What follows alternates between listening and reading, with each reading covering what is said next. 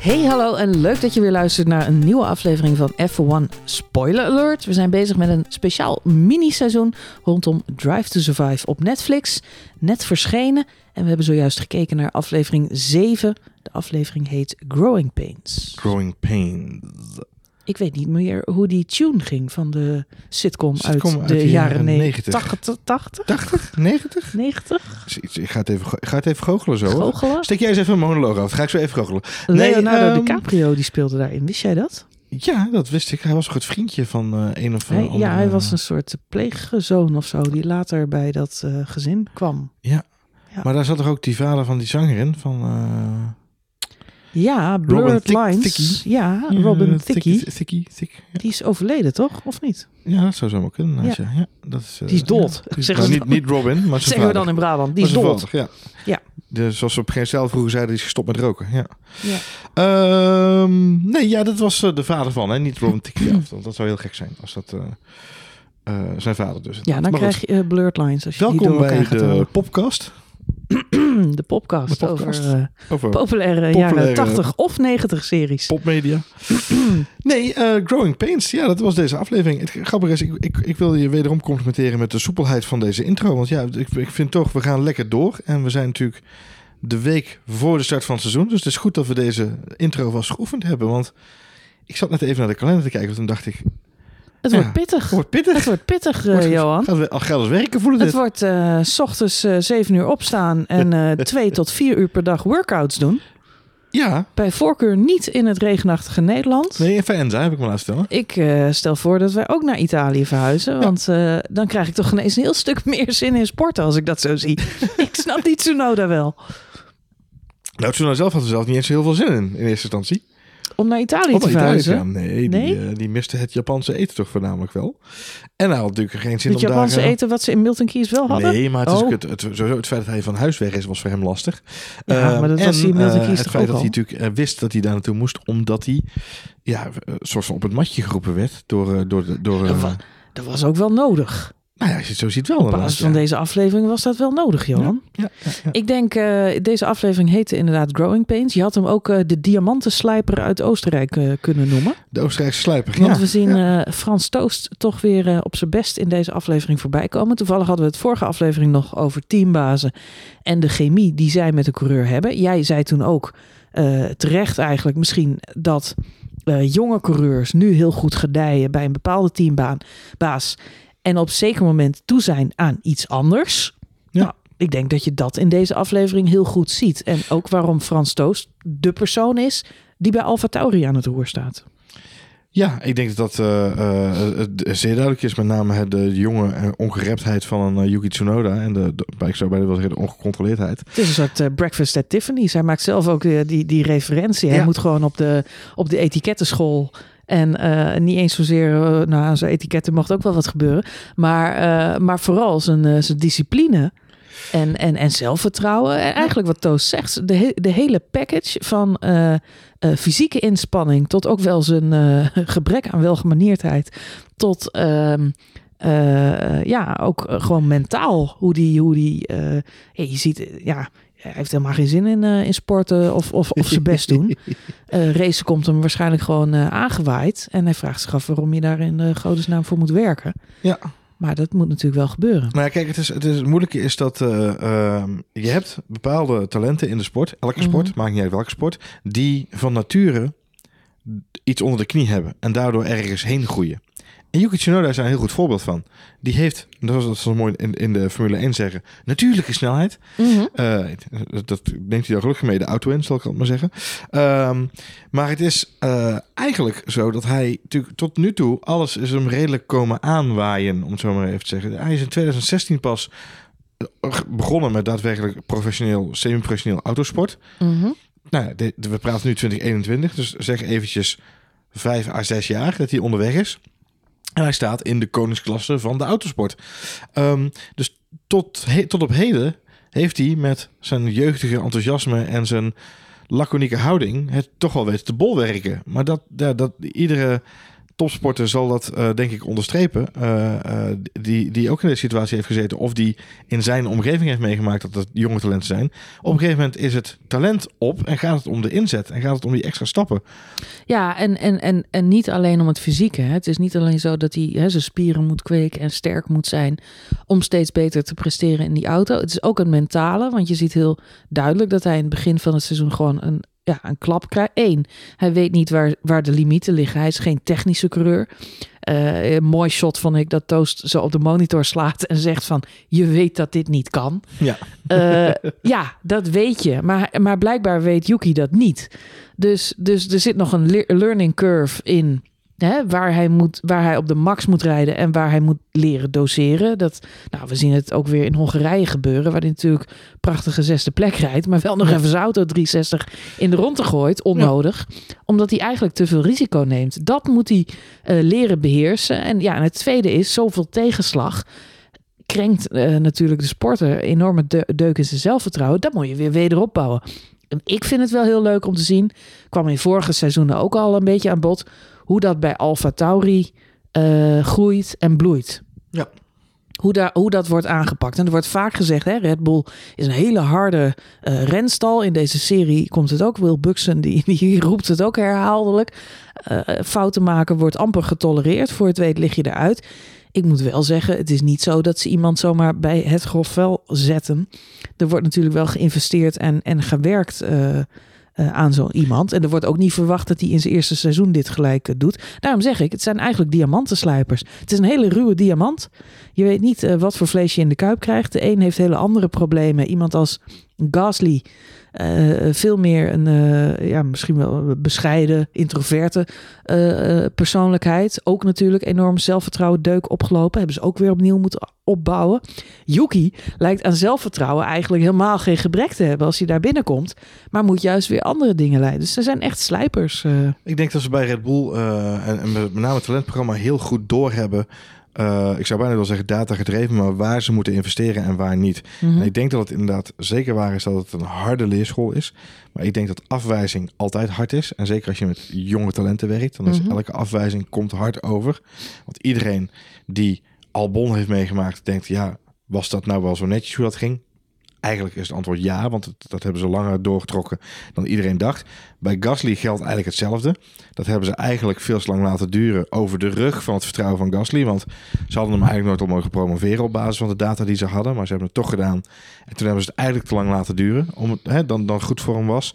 Ehm, maar kijk eventjes naar, eh, naar de renstal inderdaad. Of naar in ieder geval de, de talenten waar Frans Toost mee gewerkt heeft in zijn carrière. Eh, dan mag je hem toch wel een kampioenenmaker noemen inderdaad. Hè? Carlos Sainz, eh, Daniel Ricciardo. En natuurlijk de, de, de, de bekendste. Sebastian Vettel en Max Verstappen. Die Ja. hij natuurlijk heeft mogen begeleiden in hun eerste stappen in de Formule 1. Eh, en, en ja, weet je, van alle coureurs die ik net noem, kunnen we vaststellen dat ze eh, eh, flinke stappen voorwaarts hebben gemaakt sinds die tijd dat ze met hem hebben samengewerkt. Hij heeft ze daar wel de ruimte voor gegeven. Dus de rol van Frans Toost, ja, die is eh, eh, onbetwist wat mij betreft als het gaat om die... Mooi zijn onderrondje met Christian Horner. Hè? Gewoon even in de Ja. kantine even bespreken wat er aan de hand is. Eh, Even één op één. ja. Christian Horner natuurlijk ook een stuk jonger. Zit daar enerzijds met een collega, anderzijds toch ook een beetje met, met zijn meerdere in, in leeftijdsjaren. Christian Horner veel meer nog... eh, ja, hoe zeg je dat? Wat, eh, we zijn het vorige aflevering ook direct, to the point, hard. Eh, dat zit er bij hen heel, Ja, heel dat, erg in. dat is ook wat ik wilde zeggen. Het harde zit hem aan de kant van Red Bull met name. Ja. Hè? En bij Toro Rosso is juist de plek waar ze mensen de kans, de fouten willen laten maken. Nou, maar, don't get me wrong. En dat zegt Yuki natuurlijk ook. Toast is ook hard, hè? ja, nee, maar dus directe feedback is belangrijk. Zeker in die fase van een carrière heb je niks aan halfzachte feedback. En dat is eh, een wereld van verschil met... eh, ehm, ja, als je, het als je dan tegenover elkaar af moet zetten... dan heb je de Mazepins in aflevering 4... die zeggen als ik een watje ben, dan respecteren ze me niet... Eigenlijk is het andersom. Je moet jezelf juist wat rustiger opstellen en vooral laten zien dat je twee oren hebt. Kimi Räikkönen schrijft er ook in zijn boek dat hij van zijn vader geleerd heeft. Je hebt twee oren, twee ogen en slechts één mond. Gebruik je middelen ook in die, in die volgorde van hoeveel je hebt kwantitatief. Mhm. Weet je, zorg dat je goed luistert, goed ligt, goed kijkt en dat je minder praat. Eh, Praten is het minst belangrijke van de sport, onderaan de streep. En ik denk dat het contrast dat gaat wel heel groot is. En Frans Toost is inderdaad een, een, een, een wel een directe eh, eh, feedbacker. Maar het zorgt er wel voor dat de talenten verder komen. En ik denk dat dat heel belangrijk is. En de harde kant zit hem dus eigenlijk bij Red Bull, als ze daar komen. Maar kijk even, ik bedoel, uh, Kviat, uh, Brandon Hartley, die bij, natuurlijk bij, bij Toro Rosso gereden heeft. Kviat is zelfs nog een keer teruggekomen weer. Weet je, uiteindelijk uh, hebben ze bij Toro Rosso echt wel genoeg tweede kansen gegeven aan, aan mensen. Absoluut. en, en gaan ze niet op één foutje. Ik denk dat Yuki Tsunoda afgelopen seizoen het voorbeeld is. Had hij in een haas gereden en was het de rust geweest, hadden we een Maaspin genoemd. Ja. maar omdat hij bij Alfa Tauri rijdt en omdat Frans Toast erachter zit, omdat je weet dat het team hem niet zomaar laat kletteren, heb je toch wat meer coulantie voor die jongen. Eens. En uh, ik denk dat wat jij net zegt heel waar is. Uh, bij jonge gasten uh, komt kritiek al snel hard aan. Hoe jonger je bent, hoe, hoe meer pijn het doet. ik vraag me ook, we hebben het vaak over hard. En ik, ik, zie die jonge gasten ook zeggen: het Toast is hard. Hij is wel hij is sympathiek, maar hij is ook hard voor ons. Um, terwijl aan de andere kant zie je in deze aflevering ook, en dat is me al vaker opgevallen met, uh, uh, nou, met sporters, maar ook bijvoorbeeld met, celebrities en BN'ers.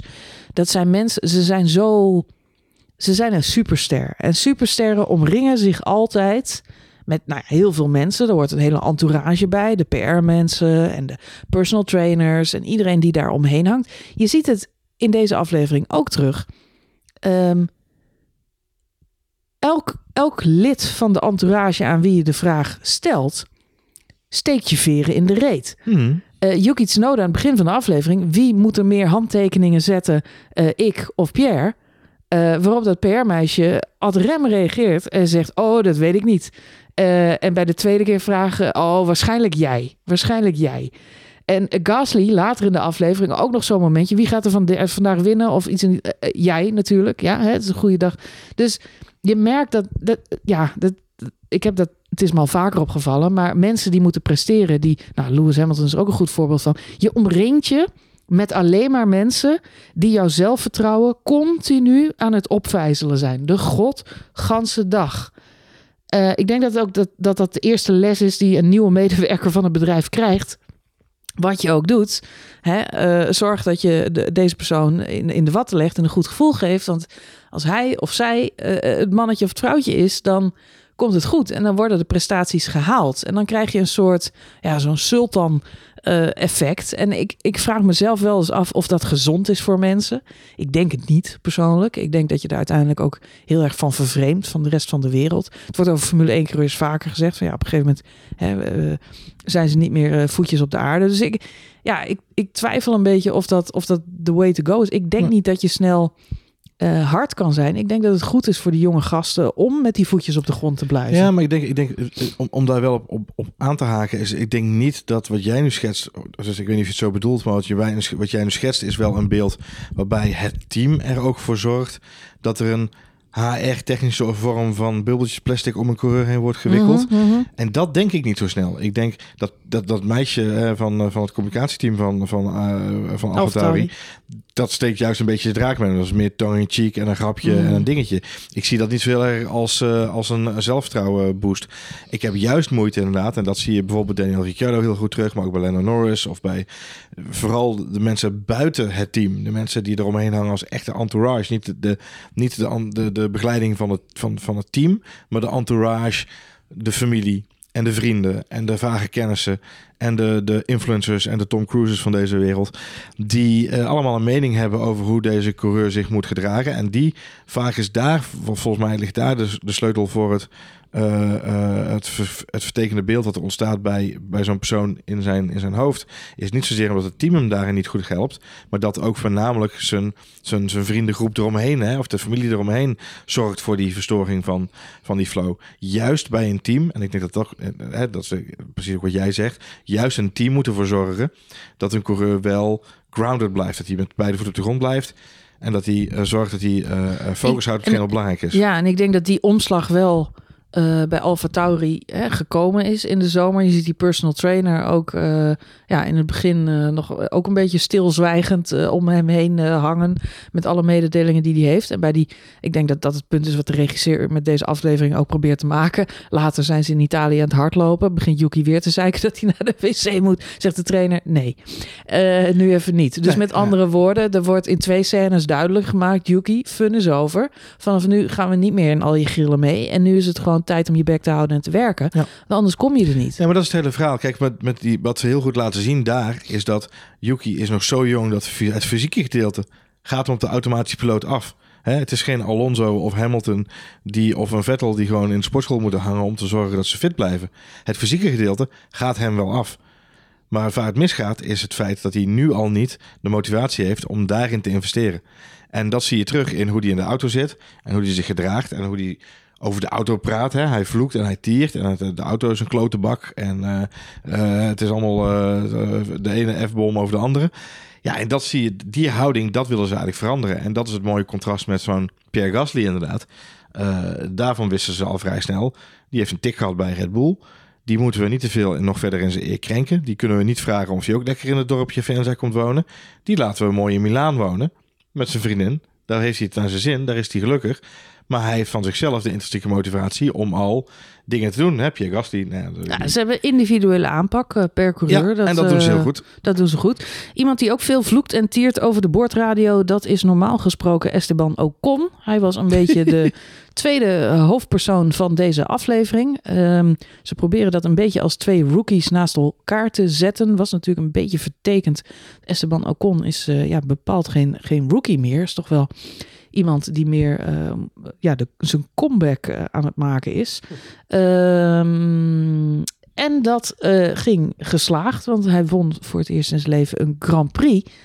Ehm, ja, wat vond jij van zijn rol in deze aflevering? Nou, ik vind het wel logisch in de vorm als je zegt growing pains. Het ging met name over de groei van jonge coureurs binnen teams en wat ze daarvoor moeten doen. Ik denk dat het inderdaad farfetched is om daar Ocon naast te zetten. Want die heeft toch al zijn, zijn jaartjes meegedraaid in de sport. Dus die is niet meer echt aan het groeien in de sport, denk ik. In de zin van, hij is niet aan het zoeken naar zijn vorm. Ik denk dat ze met post-itjes al die scènes op de, op de muur van, van het Britse hoofdkantoor van deze filmproductiemaatschappij hebben geplakt. en op een gegeven moment hebben besloten, waarom doen we niet Yuki Tsunoda en Esteban Ocon in één aflevering? Want het is allebei de Grand Prix van Hongarije. Zo zal het een beetje gegaan zijn. Ja, of misschien, eh, misschien is dat het enige waar we ze op kunnen verbinden op dit moment. Want het enige waar je ze op kunt verbinden qua seizoen... is met name het feit dat Ocon natuurlijk eigenlijk... Hè, Ocon is binnengehaald bij Renault... eh, eerst naast Ricciardo nog, maar met name om te zorgen... Nou, Franse coureur, Franse renstal. Eh, hij zou samen met Renault slash Alpine ervoor moeten gaan zorgen... dat ze met eh, de komende jaren de stap vooruit gaan maken. En vervolgens wordt hij natuurlijk door de terugkomst van Alonso weer onder druk gezet. Ja, dus dat is de hoek, de hoek waar ze mee gezocht hebben. Ik vond het niet echt een geslaagde match in de, in de combinatie met, met eh, Yuki. Ja, vooropgesteld. Ik vind natuurlijk heel goed dat er meerdere teams in, eh, in dit hele seizoen aan bod komen. Dus eh, zo erg vind ik het niet. En eh, ja, qua, qua arc is er misschien eh, twee storylines die niet helemaal op elkaar aansluiten, bij elkaar passen. Dat maakt voor eh, de aflevering verder niet zo heel veel uit. Ehm, ik vind het leuk om, eh, om ook Alpine even van wat dichterbij te bekijken. Ik vind het ook leuk dat we eh nou, Esteban eh, nog even kort eh, bij zijn ouders zien. Dat was zo'n klein shot uit een eh, eerder seizoen met Giovinazzi, die ook even bij zijn ouders was. Het geeft toch een klein beetje eh, achtergrond eh, waar een coureur vandaan komt. eh, uit, uit relatieve eenvoud. Ik vind ook wel dat hij meer rust uitstraalt. Als je het dan toch over coming of age hebt.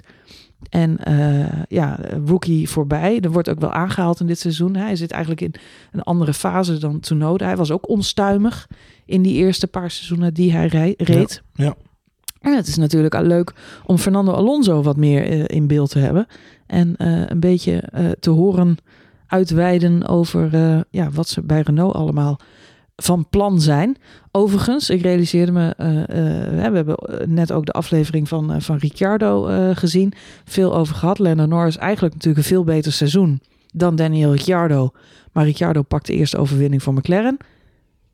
Ocon, een beetje hetzelfde verhaal met Alonso. Alonso eigenlijk een veel beter seizoen. Ocon had niet zo heel veel in de pap te brokkelen. Maar toch is Ocon degene die die overwinning pakt dit eh, afgelopen seizoen. Ja, en in beide gevallen ook te danken aan het, eh, aan het eh, werk van het teamgenoot. Hè? En Ja. we zagen natuurlijk op, op Monza dat Norris over de teamradio ook aangeeft van... kan ik hem inhalen, ja of nee? Het antwoord is nee. Oké, dan leg ik me daarbij neer. En we weten natuurlijk nog van Hongarije dat, dat met name Alonso daar natuurlijk flink heeft lopen verdedigen op Lewis Hamilton... die op een missie was vanuit het achterveld. Wat een fuck-up van Mercedes, hè? Ja, nou ja, kwam je nog ziet, even ja, goed in beeld deze aflevering. Maar dat Lewis Hamilton daar in zijn eentje op de grid staat. ja, maar het eindresultaat is er niet minder om. Nee, bedoel, ja. nou ja, het was wel minder om, want hij had die race anders gewoon makkelijk gewonnen. En Ja. dat waren punten die aan het eind van het seizoen toch behoorlijk belangrijk eh, Ja, nee, eens. eh, Ja. eh, zijn geweest. Dan had de wereld er weer anders uitgezien. Maar ehm, ja, de- ik moest er nog aan denken. Die zal echt wel de moed in de, in de schoenen gezakt zijn toen hij daar op Ja, met name op het- op de Op stond. het moment dat hij de eerste keer gas indrukt inderdaad, en je hoort de boordradio, ja, het is droog inderdaad. Ja. Wat grappig is, is dat de gekke, eh, de, de crazy races zeg maar, van vorig jaar... eh, spelen een bijrol in, in Drive to Survive. Eh, maar ze zijn er wel. En het doet je wel realiseren, wat een seizoen was dit, joh. Ja, dit, dit- dit Als is, je ja. geen, als je, ja, je zult Formule 1 volgen, anders dan kijk je deze serie waarschijnlijk niet. Maar er zijn misschien Amerikanen of mensen ergens anders ter wereld die echt Formule 1 alleen maar volgen van Drive to Survive. Ik weet het niet.